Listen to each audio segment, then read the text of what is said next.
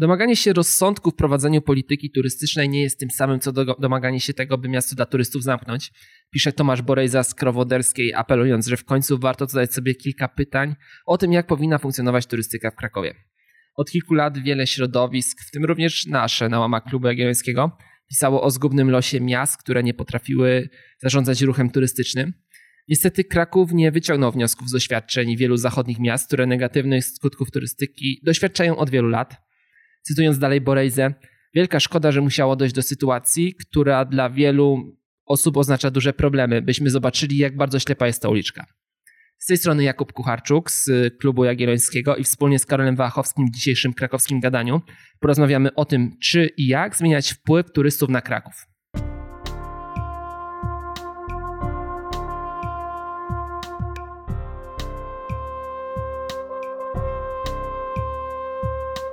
Krakowskie Gadanie. Podcast Klubu Jagiellońskiego Kraków. Ktoś powie, że zwariowaliśmy, chcąc rozmawiać o zmianach w turystyce w momencie, gdy turystyka w Krakowie wymarła. Wiele osób trafiło od 1 kwietnia na bezrobocie, wiele firm stoi bezczynnie, hotele i apartamenty są puste. Ale ta beznadziejna sytuacja z perspektywy miasta to de facto jedyna możliwa sytuacja, by spróbować się zmierzyć z niekontrolowanym rozwojem turystyki. Nie wiemy, czy turyści wrócą za dwa miesiące, za pół roku czy za rok. E, wiemy jednak, że bez refleksji na temat tego, jak do tej pory to wyglądało, to po tym, jak turyści wrócą, nic się nie zmieni. Dalej cała branża będzie brnęła w ślepą uliczkę, robiąc dokładnie te same błędy co do tej pory. E, dlatego dzisiaj porozmawiamy o tym, jak zmieniać turystykę i co w krakowskiej turystyce do tej pory było źle robione.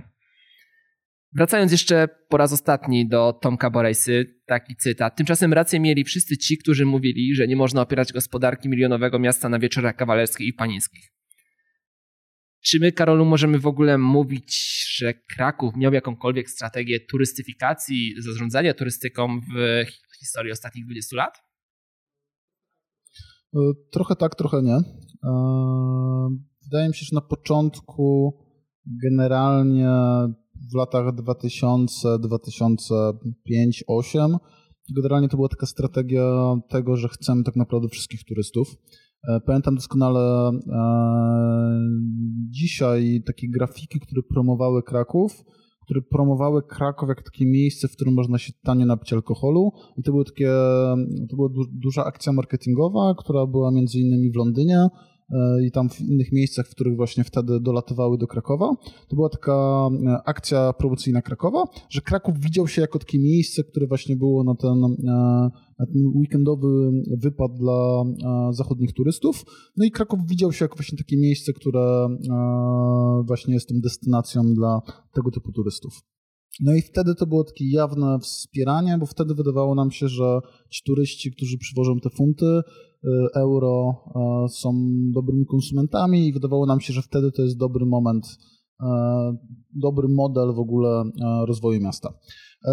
Potem się w zasadzie to trochę zmieniło e, w ten sposób, że wtedy już tak bardzo jawnie, jak już w pewnym momencie zaczęliśmy widzieć też tylko e, te, nie tylko te pozytywne aspekty turystyki, ale też zaczęliśmy widzieć te negatywne aspekty turystyki, łącznie z wieloma skandalami obyczajowymi, które tutaj opisywały lokalne media, łącznie z nagością turystów, z ich tam różnym zachowaniem, które no, można byłoby dzisiaj powiedzieć, że było co najmniej na, nie na miejscu, no to wtedy Kraków zmienił tą swoją strategię, wtedy trochę jakby oddając walkowerem tą turystykę, jakby totalnie nie przeciwdziałał Kraków wtedy negatywnym skutkom tej turystyki, nie przeszkadzał w zasadzie turystom, nie przeszkadzał na poziomie, nie wiem, czy to właśnie służb porządkowych, które jakoś tam nie znając angielskiego często wolały raczej nie wtrącać się turystom i ich zachowaniom, które często nie były dobre, e, nie przeszkadzało nikomu, nie wiem, w funkcjonowaniu klubów nocnych, które było niezgodne z prawem.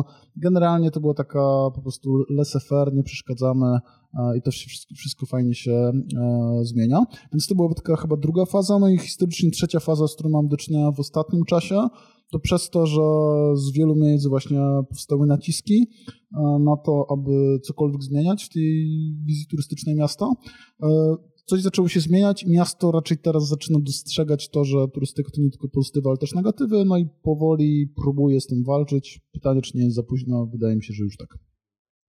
Tu ważną rzecz powiedziałeś yy, o tym, że miasto dawało wolną rękę, no bo tak zastanawiając się, czy ta strategia była, czy nie była, no to dawanie wolnej ręki to jest jakaś strategia. I odnosząc się do tego pierwszego etapu, o którym wspomniałeś, czyli jakby promocyjnej warstwy ściągania turystów do Krakowa, czyli robienia kampanii outdoorowych, reklamowania się w mediach branżowych, też pewnie jakiejś współpracy z biurami turystycznymi, no to wszystko było powiązane z tym, że równolegle w polityce miasta było bardzo, była duża, bardzo duża pobłażliwość dla tolerowania różnych części branży turystycznej, które kompletnie nie były skierowane do mieszkańców, a przede wszystkim do turystów, czyli branży klubów nocnych, czyli pijalni wódek i shotów za złotówkę, za dwa złote, potem oczywiście inflacja trochę pomogła, więc pewnie za 3 i 4 złote.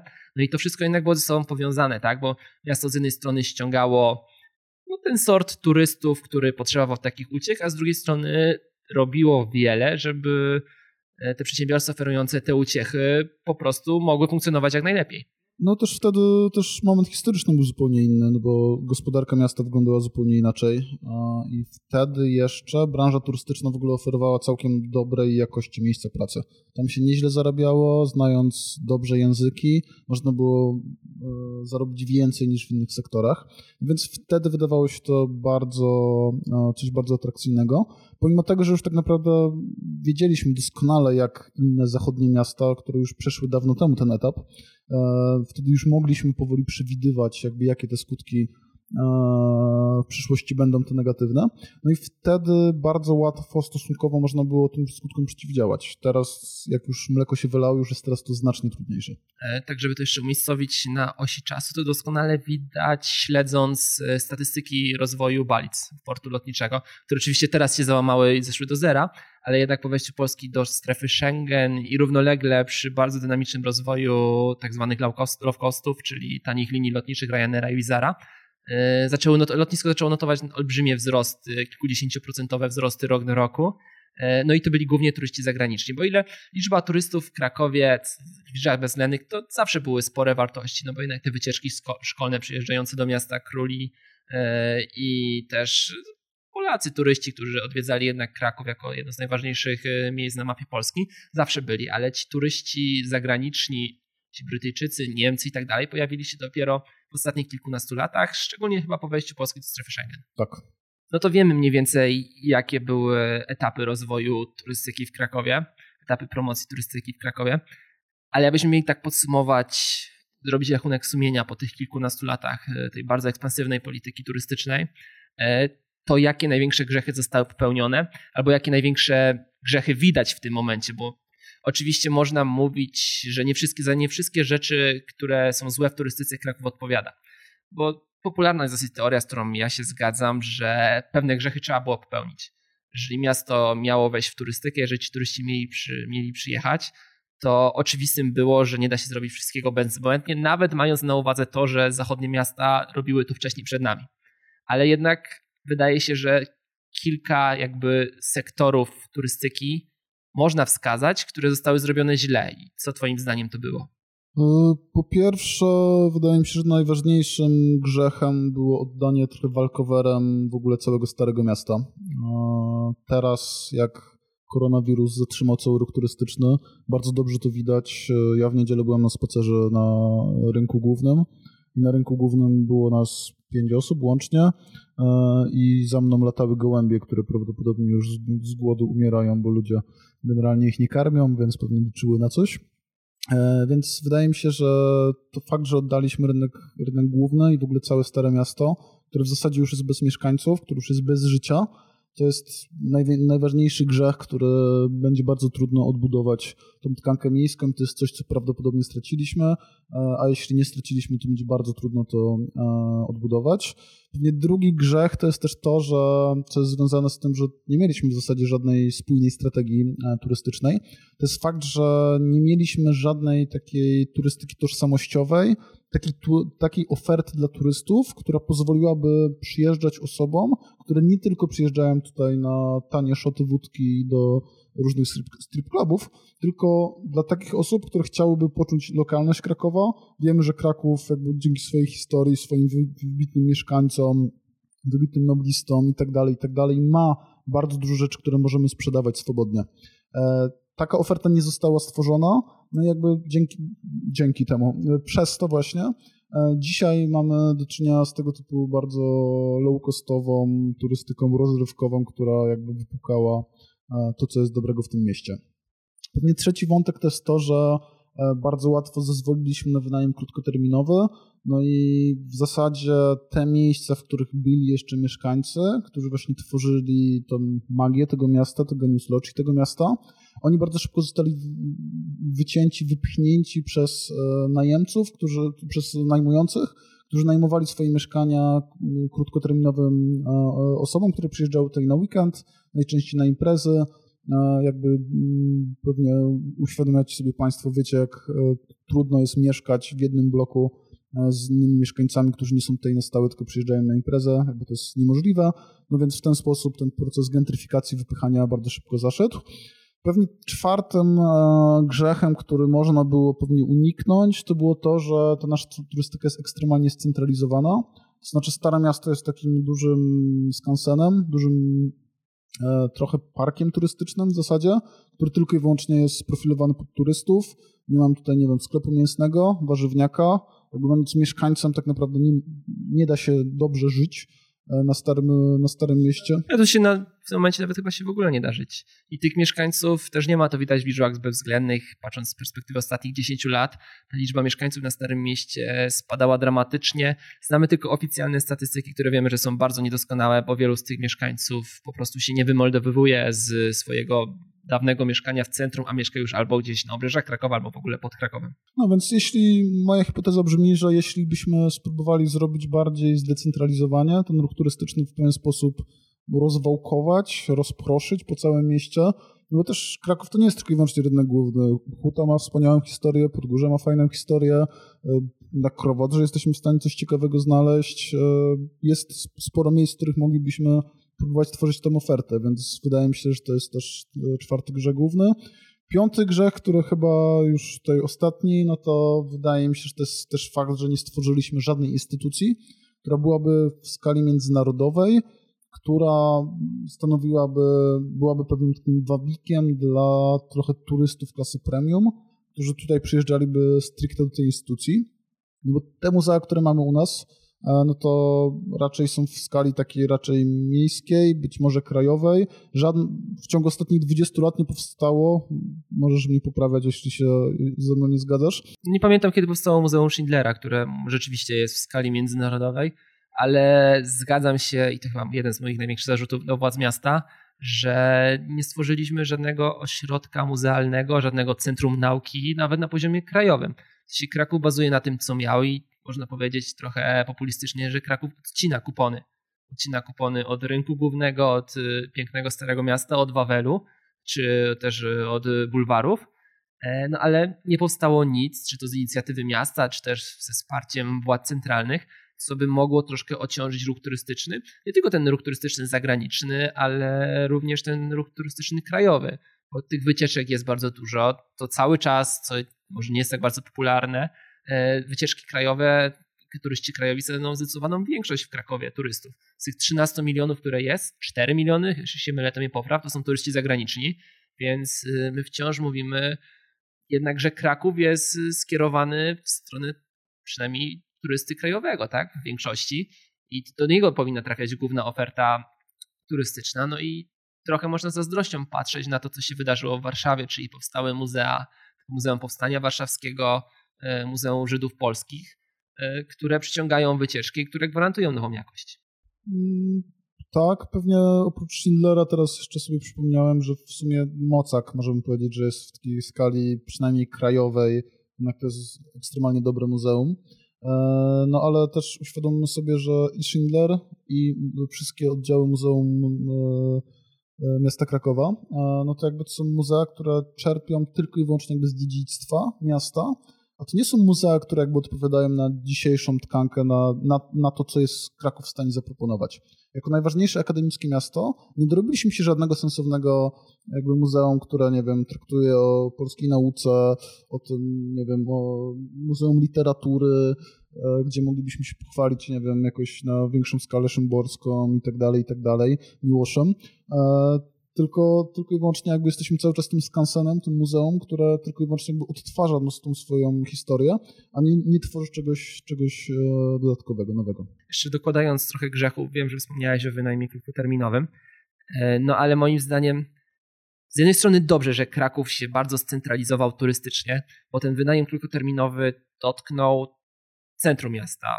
Przede wszystkim, no bo oczywiście pewnie się pojawiają e, mieszkania na Airbnb też w innych dzielnicach, ale jednak e, uderzył najmocniej w Stare Miasto krakowskie, trochę tutaj w okolice, można powiedzieć, trochę we wnętrze drugiej obwodnicy, ale jednak już nie wszędzie.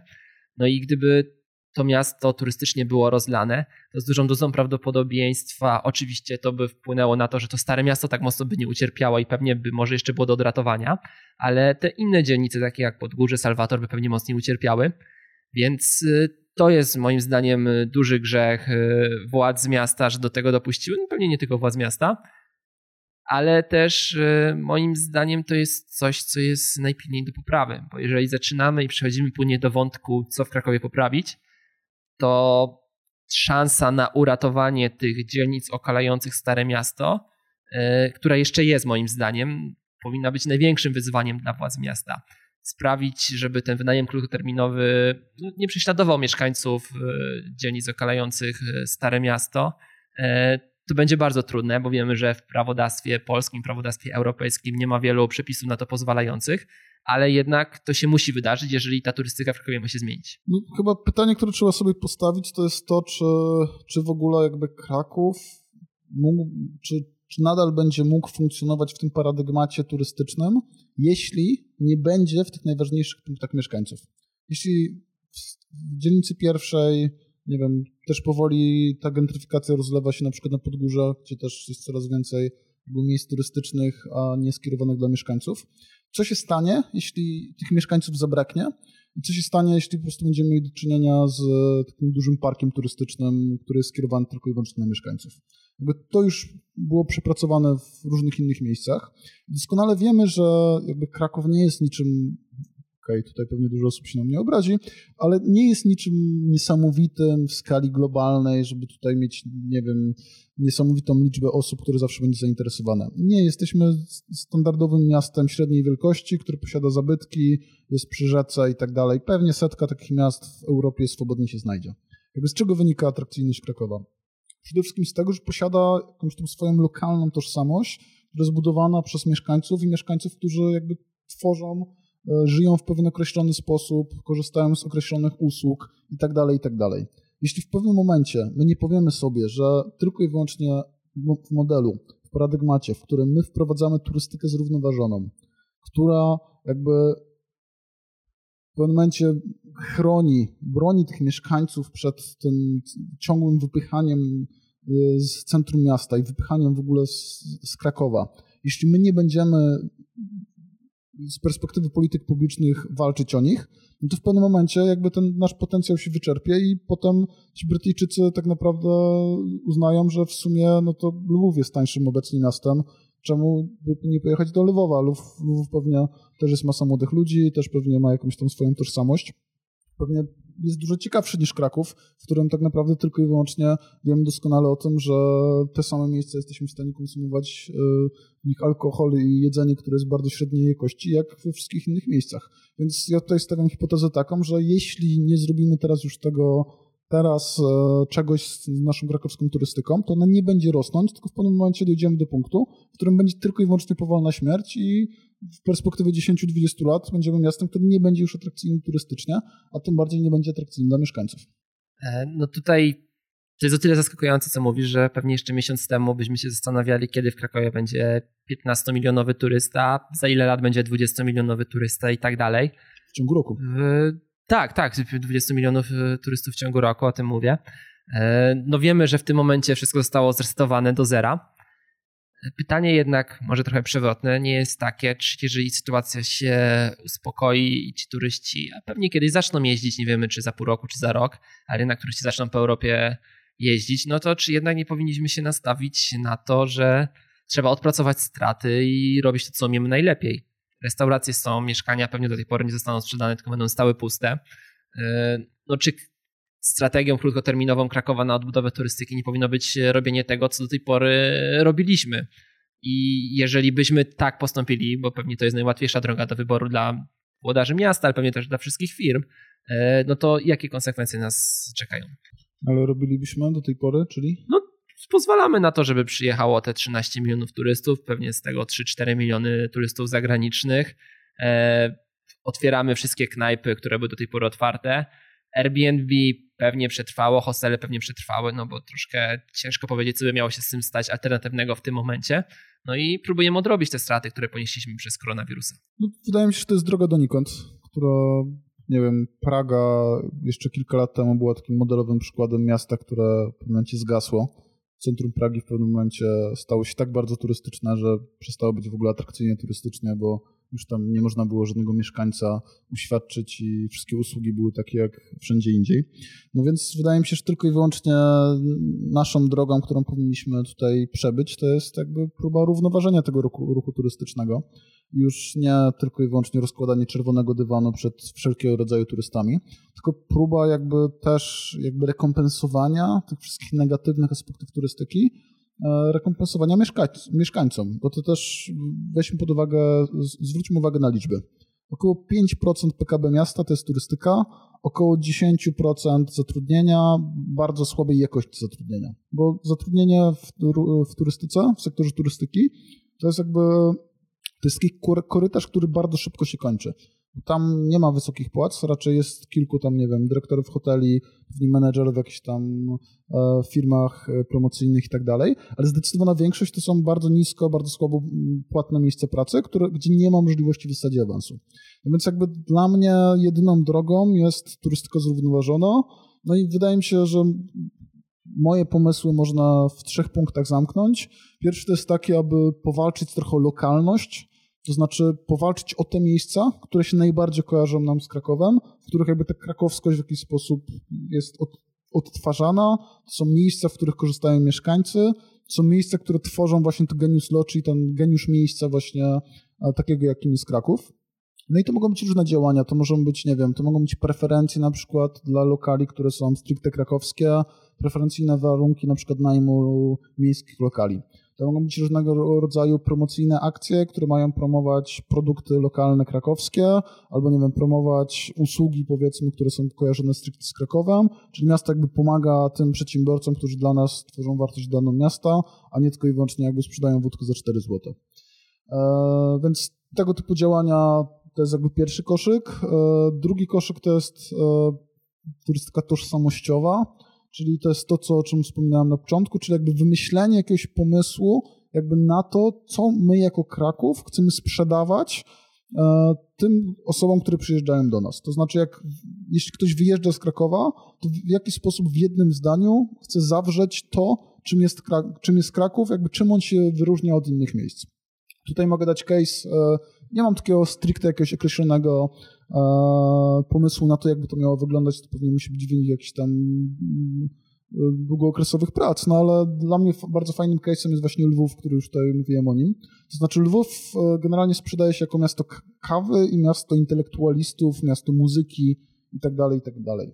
No jakby Lwów w bardzo wielu miejscach sprzedaje konsumpcję turystyczną, między, sprzedając ją jako towary konsumowane przez, e, przez turystów. To znaczy, jeśli mamy restaurację, to ta restauracja jest na przykład, nie wiem, związana stricte z Łukasiewiczem, który tam Łukasiewicz był mieszkańcem Lwowa. No ale to myślisz, że Kraków powinien wziąć przykład z Lwowa? Z miasta, które przecież turystycznie nie jest ani pod względem liczby względnych, e, ani też pod względem chyba atrakcyjności. Chyba wzorem do naśladowania dla wielu innych miast. No, dla mnie Lwów może być na pewno inspiracją do Krakowa, no bo Lwów, patrząc na poziom rozwoju, jest 15-20 lat za Krakowem, realnie, ale moim zdaniem już teraz prowadzą dużo sensowniejszą politykę turystyczną, aniżeli robi to Kraków.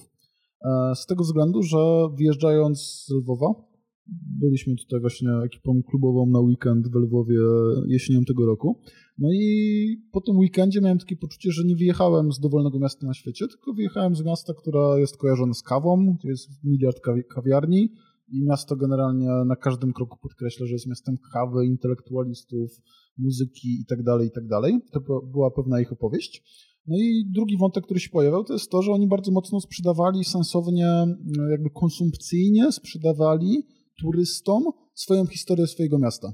To znaczy były knajpy, które były knajpami, e, nie wiem, knajpa na przykład Łukasiewicza, który jest mocno związany z Lwowem, w których były, wszystkie rzeczy były związane właśnie z e, reakcjami chemicznymi, z różnymi rodzaju, właśnie kojarzyły się z chemią z Łukasiewiczem.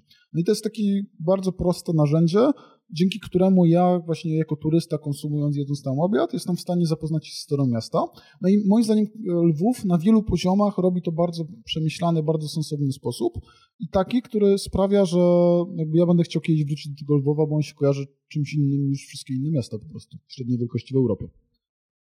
E, przechodząc już chyba do ostatniego wątku naszej dzisiejszej rozmowy, bo wydaliśmy sporo krytyki w stronę włodarzy miasta, ale zastanawiam się, czy włodarze Krakowa są w stanie sami zmienić tą turystykę. Wiemy, że mamy moment zerowy, że turystyka jest w tym momencie martwa, nie wiemy kiedy to się skończy, kiedy turyści wrócą, no i też chyba wiemy, że jeżeli w tym momencie włodarze uświadomią sobie, że te zmiany są potrzebne i nie zainicjują dyskusji, jakichś zmian, próby wypracowania nowej strategii, no to to się nie wydarzy, bo jak turystyka zacznie hulać, to to wróci na e, jakby stare ślady i wszyscy będą robić to, co mieli robić najlepiej.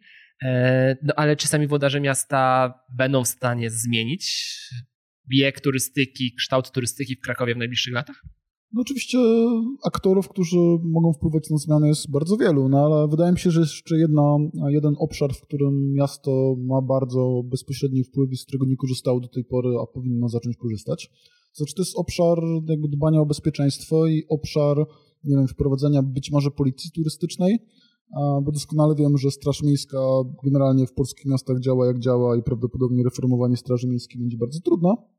Więc wydaje mi się, że sensownym pomysłem byłoby wprowadzenie policji turystycznej, która w pewien sposób temperowałaby te negatywne zachowania e, turystów. E, też tak naprawdę można wykorzystywać masę e, różnych narzędzi, tak aby na przykład, nie wiem, te wszystkie panie, które chodzą z parasolkami przez pewien okres czasu nie chodziły już, a teraz znowu chodzą, zaczepiają ludzi, nie wiem, zaprzętu do strip clubów albo wszystkiego, wszelkiego rodzaju miejsca, które jakby są po prostu miejscami niezgodnymi z prawem, są w szalej strefie. Jakby te narzędzia można wykorzystywać i miasto powinno właśnie w ten sposób temperować turystykę, no bo wtedy tworzymy miasto, które jest dużo bardziej dla mieszkańców, a nie tylko i wyłącznie dla turystów. Wracając do tych różnych innych aktorów, no to wydaje mi się, że to jest też dobry moment na to, aby ci wszyscy właściciele różnych rodzajów kamienic, właściciele w ogóle lokali, i też tak naprawdę cały sektor turystyczny, właściciele restauracji, właściciele rodzaju, różnego rodzaju punktów usługowych, wycieczek itd., tak itd., tak powinni sobie uświadomić, że jeśli cały sektor jakby nie, nie wejdzie na wyższy poziom, jeśli całe miasto Kraków nie zacznie produkować, jakby dostarczać lepszego rodzaju turystyki, no to tak naprawdę ta turystyka nie będzie się dalej rozwijać i ci ludzie przestaną w końcu w, takim, w takiej masie przyjeżdżać i przestaną czerpać właśnie ten cały sektor przestanie czerpać tego typu zyski. I nie będzie do tego potrzeba kolejnej epidemii, tylko po prostu będzie pewien moment e, wyczerpania i powolnego wygasania, albo w takiej wersji bardziej optymistycznej po prostu ta turystyka nie będzie się rozwijać tak, jak powinna się rozwijać. Dokładnie, więc to jest jedyny moment na to, aby teraz oczywiście najłatwiej pieniądze zarabiać w ten sposób, aby sprzedając wódkę za 4 zł jest ok, to jest najłatwiejszy model biznesowy, ale ten model bardzo szybko się wyczerpie jeśli nie zrobimy czegoś, aby właśnie przyciągać e, klas, e, turystów wyższej klasy, no to tak naprawdę za 10 lat już możemy obudzić się w miejscu, w którym już, już nie będzie żadnego odwrotu. Dziękuję Ci bardzo za dzisiejszą rozmowę. To był kolejny odcinek e, Krakowskiego Gadania, podcastu prowadzonego przez Zespół Miejski Krakowskiego Klubu Jagiellońskiego.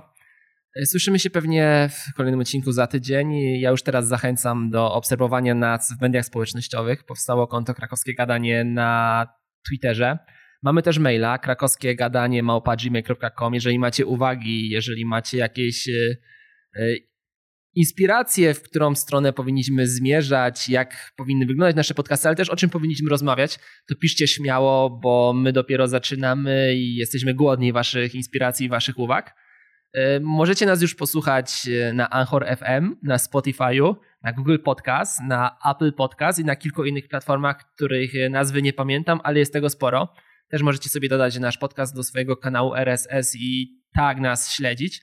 Więc mamy nadzieję, że do usłyszenia i dzięki, że byliście z nami.